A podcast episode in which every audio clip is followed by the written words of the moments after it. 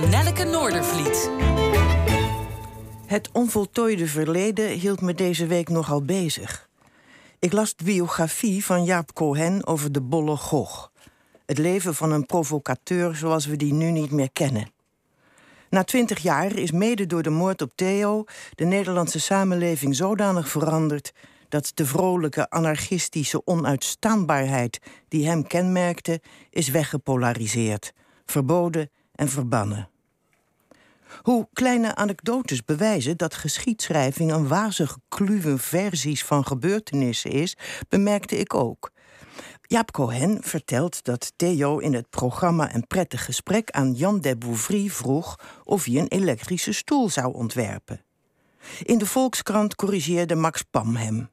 Theo zou die vraag hebben gesteld toen het clubje dat het radioprogramma De Tafel van Pam maakte, tijdens een etentje bij Mario in Nek aldaar Jan de Bouvry aantrof en dat Theo toen vroeg: zou jij een elektrische stoel ontwerpen?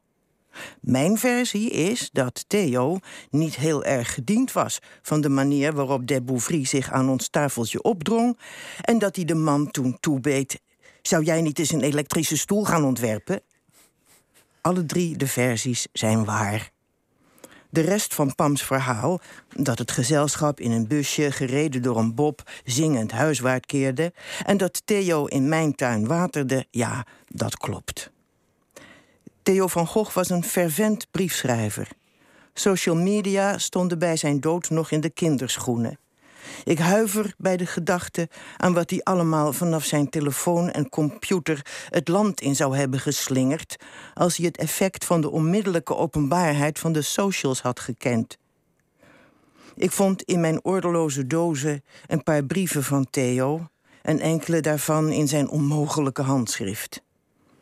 Toen ons radioprogramma De Tafel van Pam naar een andere zender en een andere producent overging en Theo's deelname eraan wegens concurrentiebepalingen of zoiets ophield, schreef hij de deelnemers aan de tafel een lange brief vol beledigingen aan Max Pam.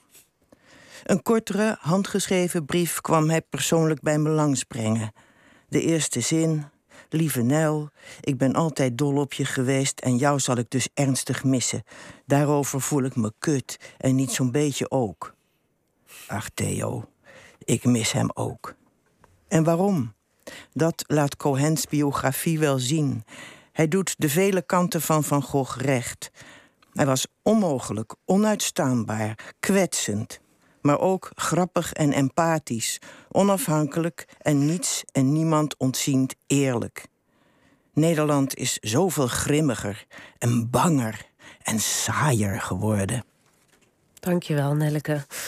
En ik zag dat jullie op 30 januari, of juli zeg ik, jij bent de gast, een, een Theo van Gogh-avond in de Openbare Bibliotheek in Amsterdam hebben. Wat, wat gaan jullie doen? Uh, met Jaap Cohen wordt gesproken en met een aantal andere mensen die Theo hebben gekend. Dus een beetje de herhaling van de uitzending die we hebben gedaan toen uh, Theo was vermoord, diezelfde middag in de Smet. Maar dat is al heel lang geleden, dus het is alweer tijd geleden, om, ja. Ja. om het nog een keer te doen. Hartelijk